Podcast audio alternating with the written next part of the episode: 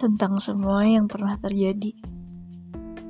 Aku pernah begitu mencintai sangat tulus.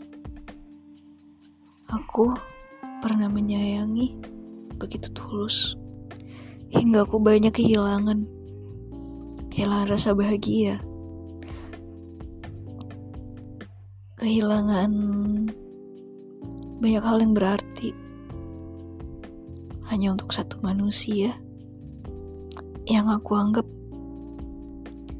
dia mampu dan bisa menerimaku seperti aku menerimanya. Tapi sering berjalannya waktu. Waktu memberikan aku kesempatan kesempatan di dalam dua hal, yaitu kesempatan yang pertama, aku bisa mengenal seseorang dengan begitu banyak yang telah ia memberikan pelajaran bagiku, entah dengan rasa sakit, bahagia, dan semacamnya. Hmm, dan yang kedua, aku bisa lebih banyak belajar dan memaafkan diriku sendiri. Aku bisa belajar banyak dari dia.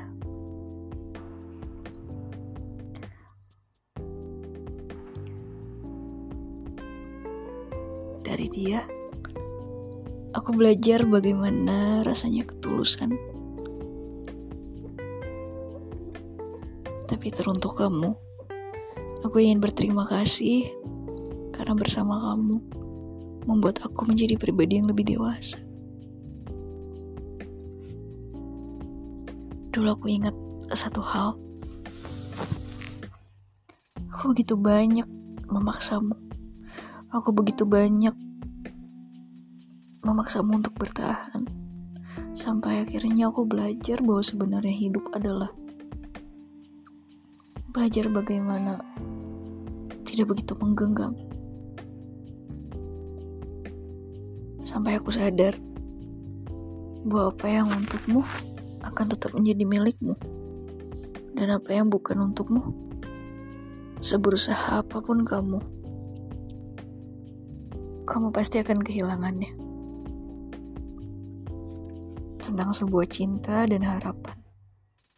Tentang sebuah takdir yang berujung membuatmu tidak baik-baik saja. Tapi sesungguhnya, Tuhan selalu mempunyai rencana.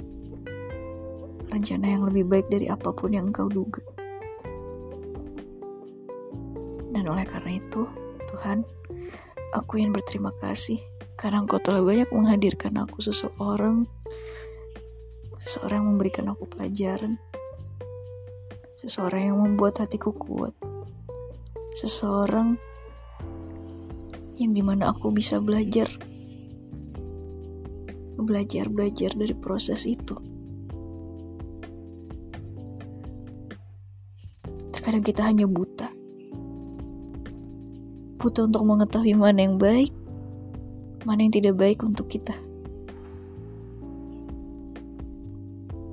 setelah aku sadari bahwa rasa kepemilikan itu sejujurnya tidak pantas. Setelah aku sadari bahwa hati ini sesungguhnya hanyalah milik Allah.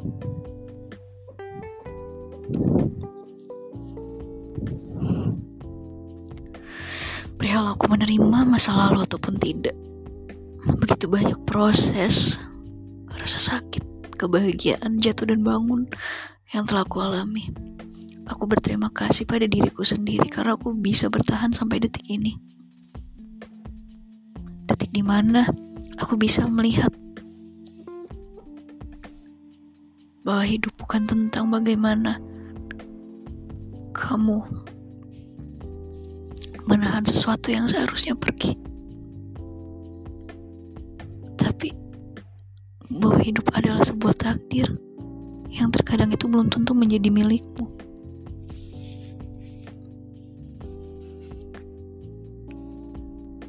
Pertama-tama bagiku, ikhlas itu sangat sulit. Aku hanya rela. Kau harus garis bawah itu. Aku hanya rela, bukan ikhlas. Tapi sering berjalannya waktu. Ketika aku sadar,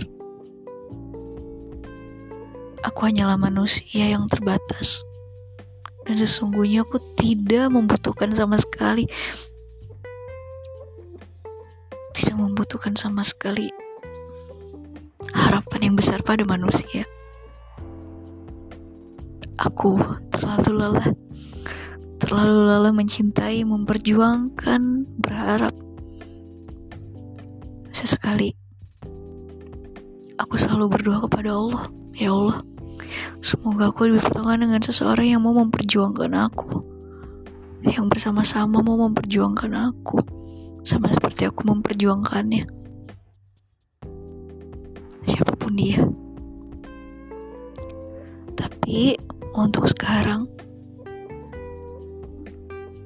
aku hanya berdoa yang terbaik.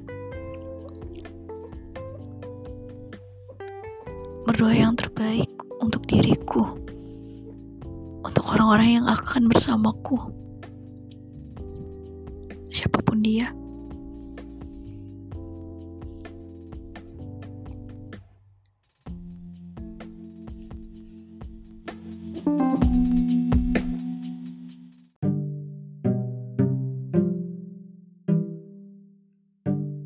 Guys, balik lagi di podcast 6 episode ke-13 Gimana kabar kalian? Sehat semua kan? Semoga di mana pun kalian berada Kalian semua sehat-sehat ya uh, Kali ini gue pengen bikin podcast uh, Bersama narasumber Narasumbernya itu temen gue sendiri sih uh, di sini kita mau banyak ngobrol-ngobrol tentang ya love story, kehidupan dan lain-lainnya. Uh, ya kenalin temen gue namanya Pion. Ya gue Pion dan gue sebenarnya kalau dia panggil Pion ya banyak sejarahnya lah.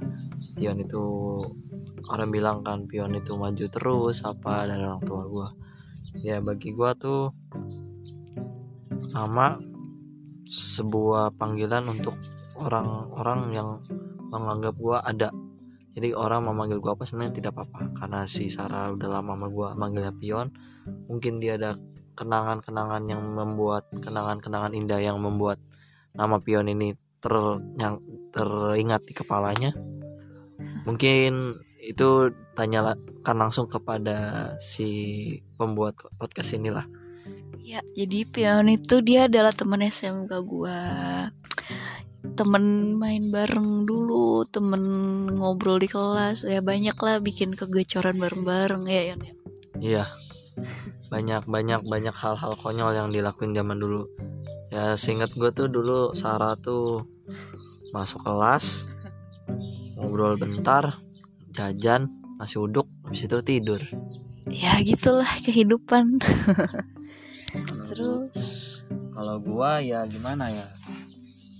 Kalau gua masuk kalau gua mau. Kalau nggak ma mau gua nggak masuk. Bisa dibilang bandel dibilang bisa dibilang enggak. Ya tergantung lihat dari gurunya lah speksi uh, dan teman-teman gua. Ya menurut Sarah gua mungkin agak-agak bandel. Iya agak-agak bandel ba tapi banyak banget proses yang dilewatin ya sama lu ya Yon ya. Sampai akhirnya lu bisa jadi kayak pion yang sekarang.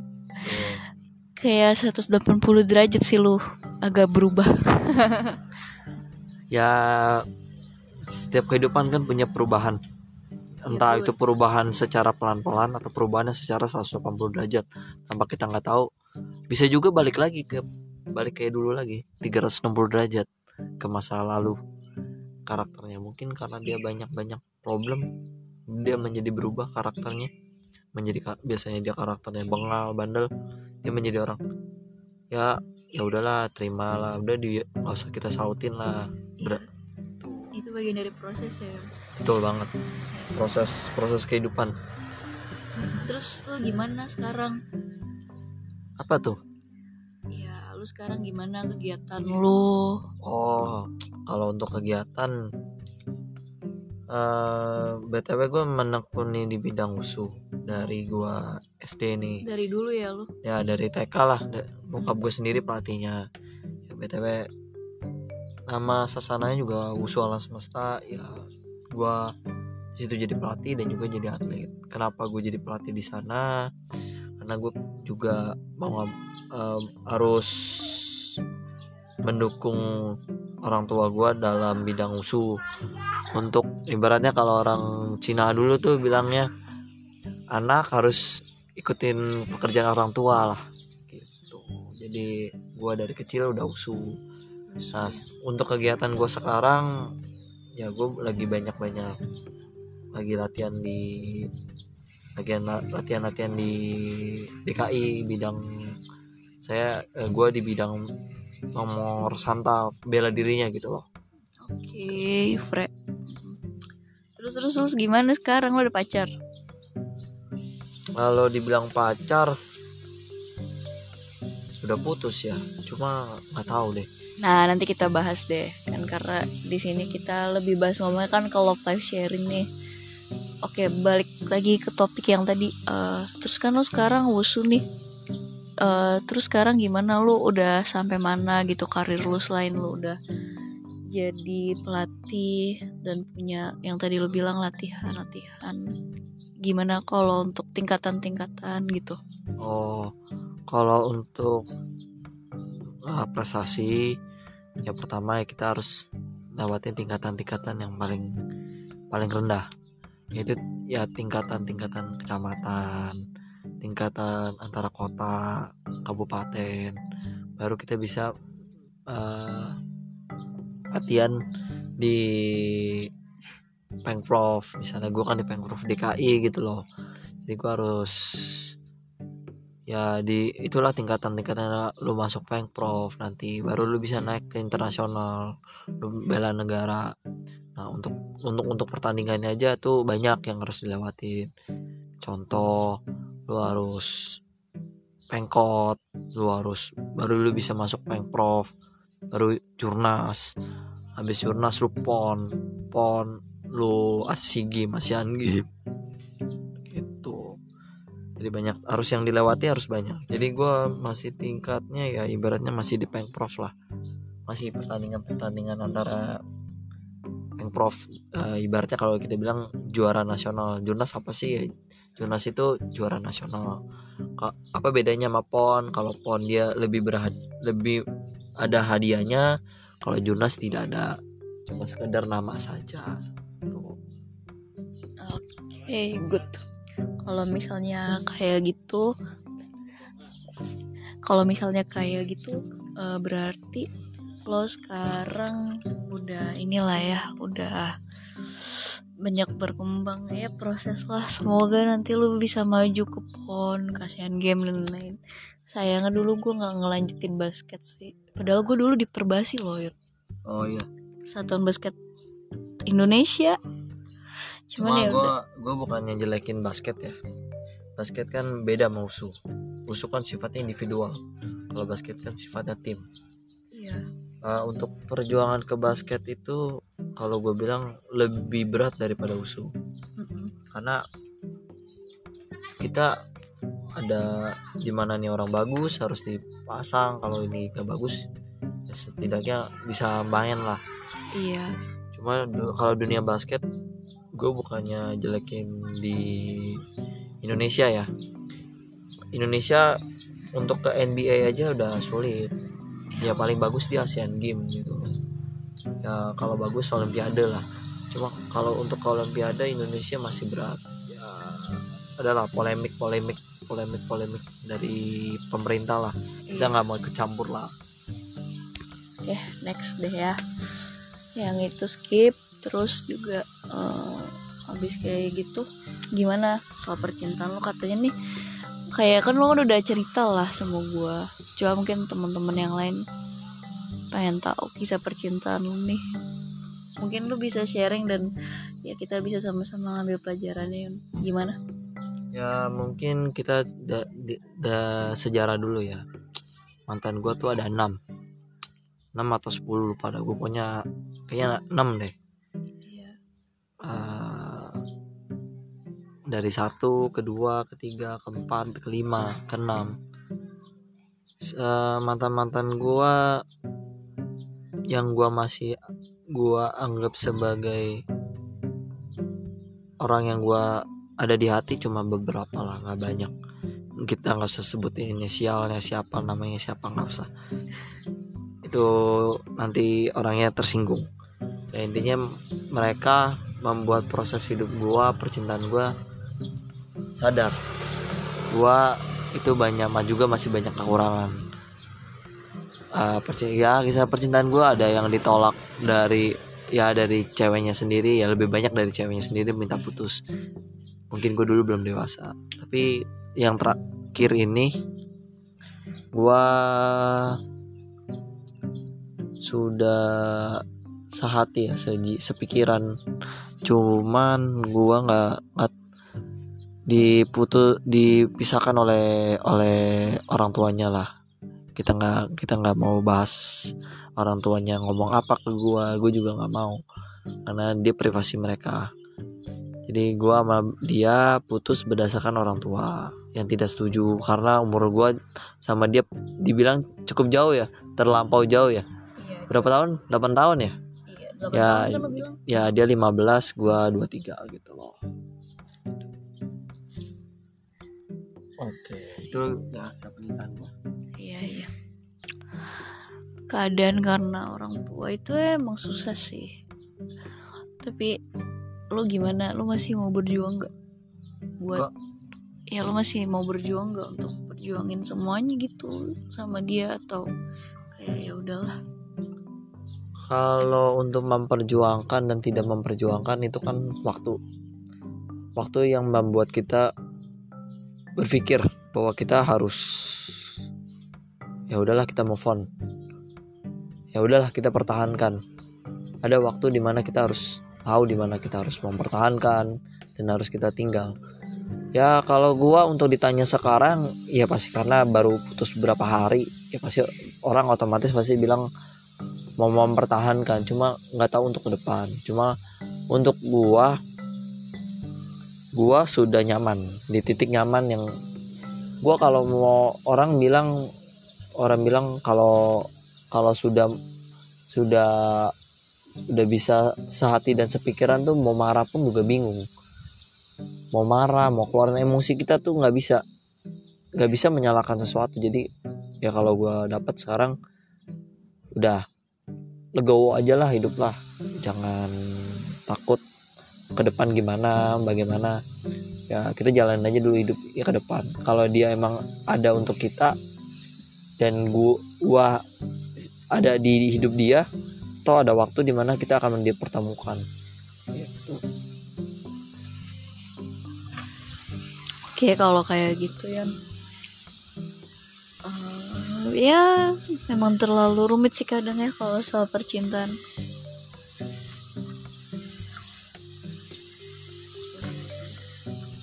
kalau btw lu gue duh gue SMK gue jarang merhatiin orang pacaran karena gue agak kurang kurang apa ya sar ya? Kurang bukan yang nggak nggak nggak suka ngidup orang sih ganggu hidup orang sih. Ya kalau gue mau tahu nih lo pacaran udah ada berapa berapa orang lo pacarin gitu loh. Oke. Jadi mungkin kalau orang-orang lihat itu tuh ya Yon gue banyak cowoknya adalah yang ngomong kayak gitu. Ih Sarah banyak cowoknya anjir. Ih Sarah ganti-ganti pacar mulu gitu kan. Padahal mah enggak padahal mah enggak gitu. Hmm, emang kebanyakan temen-temen gue juga cowok lah. Lu tau kan gue di SMK aja bergaul banyak kan sama cowok. Dan ya, kalau dibilang bertemannya cuma sama cowok nggak ada ceweknya sedikit.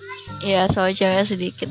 Uh, gitu ya kalau mantan sebenarnya adalah beberapa yang gue anggap mantan gitu. Ya gue sih kalau bisa dibilang sebenarnya gue nggak banyak banyak pacaran. Gue pacaran cuma baru mantan gue tuh aja tuh ada tiga lah atau empat gitu. Cuman sekarang gue udah gak mau pacaran lagi kan boleh tuh diceritain sejarah-sejarah mantan pertama, kedua, ketiga. Duh, pertama, sama kedua. Intinya gue pernah pacaran paling lama 2 tahun itu juga ditinggal nikah. Terus kedua gue pernah gue pengen ngebuka hati lagi. Eh nggak tahu gue ditinggal nikah lagi. Pelik ya ternyata Iya. kisah hidup lo terus ketiga terus ketiga gue udah ada pacar lagi. Eh pacar gue masih sama mantannya. Gue deket sama cowok ada yang ninggalin juga ini itu gitu. Jadi udah finally gue males dah pacaran. Jadi kalau gue lihat dari secara lu tiga ya? Tiga lah atau empat. Ah, gua gue denger dari berita-berita teman-teman kita ada mantan lu kecelakaan. Itu hubungannya gimana tuh? Sama gimana lu sama dia? Oh itu masa-masa SMK ya. Ya gue lah bisa lah nganggep dia mantan. Dia baik cuma eh, kasihan sih dia meninggal juga. Katanya gara-gara kecelakaan. Ya gue waktu itu sempet nanya pengen nanya kabar dia tapi karena gue juga ada ada kontak temennya. Pas gue ada kontak temennya gue nanya ke mana tuh si ini? Katanya maaf Ras ini udah meninggal. Ah gue kaget. Gue baru tahu. Padahal terakhir waktu di Bekasi gue ketemu sama dia Yon sempet main. Oh wah kalau gitu lu berarti ada ada memori yang nggak mau dia kenal nggak mau lo kenang ya makanya lu nggak mau hubungin dia ya. Ya gue kalau sama dia kenangan-kenangannya banyakan indah jarang nyakit-nyakitin tuh ya, ya itu dia yang membuat kita jadi malas untuk bercerita. Karena kita punya kenangan indah sama dia kita jadi malas ngechat dia lagi takut ngeganggu kehidupan dia gitu loh. Iya Ya, benar. Terus gue juga nggak tahu sekarang lagi males aja gitu pacaran. Lu pernah nggak sih guys kayak males gitu pacaran? Kalau gua nggak tahu ya di titik males atau apa bukannya nggak mau pacaran lagi. Kalau gua gua sendiri nggak tahu karena gua masih proses yang dibilang gua udah sehati sepikiran. Cuma dipisahkan sama keluarga. Karena itu gue jadi masih belum ya, Belum- lagunya mahal ini ya. Melawan restu. Ya gue di sini kan berusaha memperjuangkan dia. Tapi tetap mamanya tetap menolak. Tidak mau melihat perjuangan gue lagi ke depan. Tapi ya udahlah itu mungkin pengalaman gue mungkin untuk umur beda jauh mungkin kita harus punya hidup yang baik baru dia baru menerima orang tuanya. Ya kadang eh, orang memang ngelihat seseorang itu dari yang sekarang kan melihatnya itu dia masih susah dia masih belum ada apa-apa. Tapi nggak bisa dipungkirin bahwa hidup orang tuh juga guys bisa berubah. Jadi makanya gue kan sering kali bilang kita jangan suka ngeremehin orang lain gitu. Eh, dan kalau misalnya masalah percintaan kebanyakan orang tua tuh nolak cowok atau nolak cewek karena karena melihat ah dia nggak pantas buat anak gua. Padahal sebenarnya kan belum tentu juga eh, seperti itu gitu kan. Bisa jadi orang suatu saat nanti dia akan berubah akan ya mencapai taraf kehidupan yang lebih baik. Jadi kita nggak bisa dan kita nggak boleh ngeremehin apalagi ngerendahin orang lain. Ya enggak sih Yon? Ya kalau gua bagi gua ya kalau gua nanti jadi orang tua gua bukannya gua khawatir buat anak gua. Baik sih untuk orang tua kayak begitu baik. Cuma ada bagian yang ibaratnya kayaknya kita nggak usah jangan terlalu kecampur deh ini kan buat dia hidup nanti ke berikutnya. Gitu. Jadi kalau mau pacaran beda beda umur jauh coba deh dipikir-pikirin dulu. Apalagi si cewek punya status yang jelas di hidupnya. Kita masih luntang lantung. Jadi jalan hidup ya berjalan aja dengan apa yang kita jalani ya gue cuma min saran aja. Kalau cari cewek jangan usia yang lebih muda lah. Jauh 8 tahun 10 tahun. Kalau emang lu udah kuat untuk mapan untuk menafkahi dia ya boleh aja. Berarti kan orang tuanya nanti bakal lebih setuju. Iya benar. Oke. Hmm. apa lagi ya? Lu mau nanya apa lagi sih gimana perkuliahan lo sekarang? Perkuliahan gue gue sekarang lagi nyusun skripsi. Gue tuh dulu ketunda satu tahun. Anjir. Gua kira lu ini udah lulus. Kemarin udah foto-foto soalnya foto-foto ini mulu, kelulusan mulu. kapan? Enggak belum. Eh, tapi gue udah selesai sih. Gue udah selesai. Gue tinggal sidang. Doain gue ya guys gue minta doanya nih Jangan doain. terus dukungan Kepastian. ya kepastian Buat apa berdoa tapi tidak punya kepastian dalam hidup. iya iya It- Itu itu proses hidup lah. Lu berdoa tapi lu tidak mengal- eh, tidak yakin sama diri lu bakal lulus. Bukan sombong sama diri lu ya, tapi lu berarti bersyukur sama Tuhan. Lu udah berdoa, lu apa lu menghargai Tuhan? Bahwa Tuhan ada.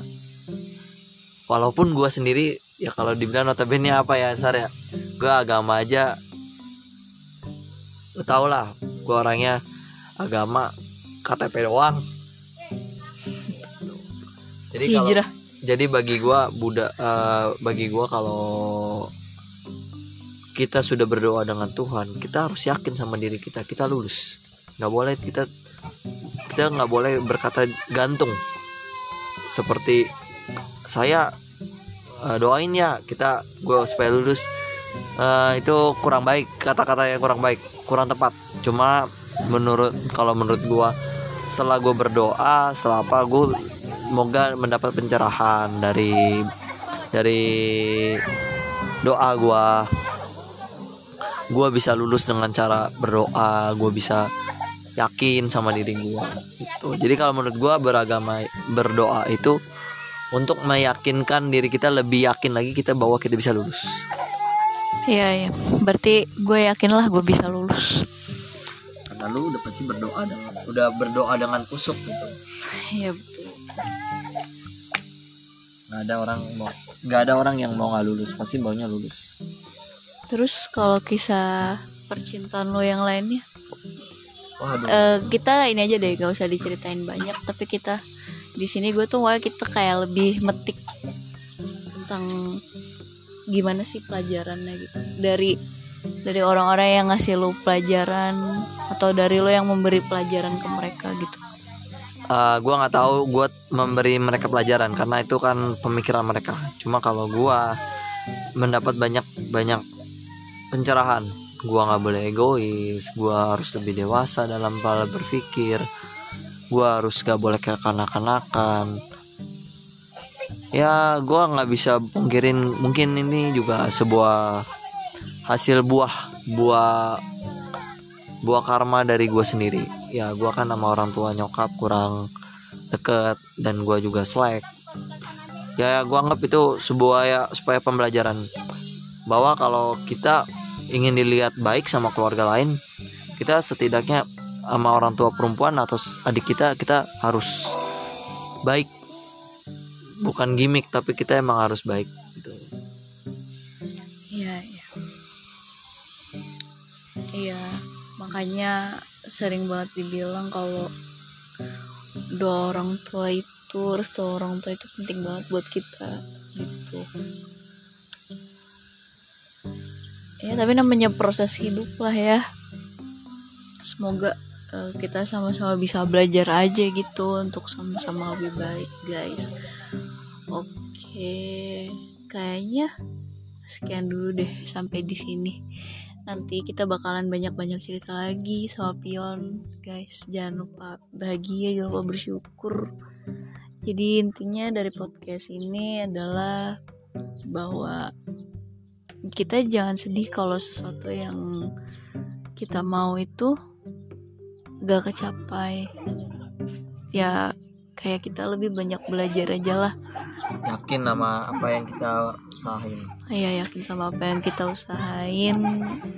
Kita nggak bisa memaksa seseorang untuk stay di hidup kita. Tapi yang bisa kita lakukan adalah kita belajar menjadi yang terbaik untuk diri kita dan untuk orang tersebut. Dan ketika ada hal-hal buruk yang menimpa kita dan orang tersebut tidak sesuai dengan kenyataan ya kita cobalah untuk ikhlas dan legowo menerima suatu keadaan dan apa pun itu takdirnya itu adalah yang terbaik dari Tuhan. So guys oh iya ada kata-kata dari gua. Ya apa? Satu kata-kata. Ini percakapan antara hati ke hati. Hati ke hati gua ke hati gua sendiri walaupun orang lain tidak merasakan patahmu tapi tetaplah tegar hatimu menyembuhkan menyem, penyembuh dari hatimu sendiri.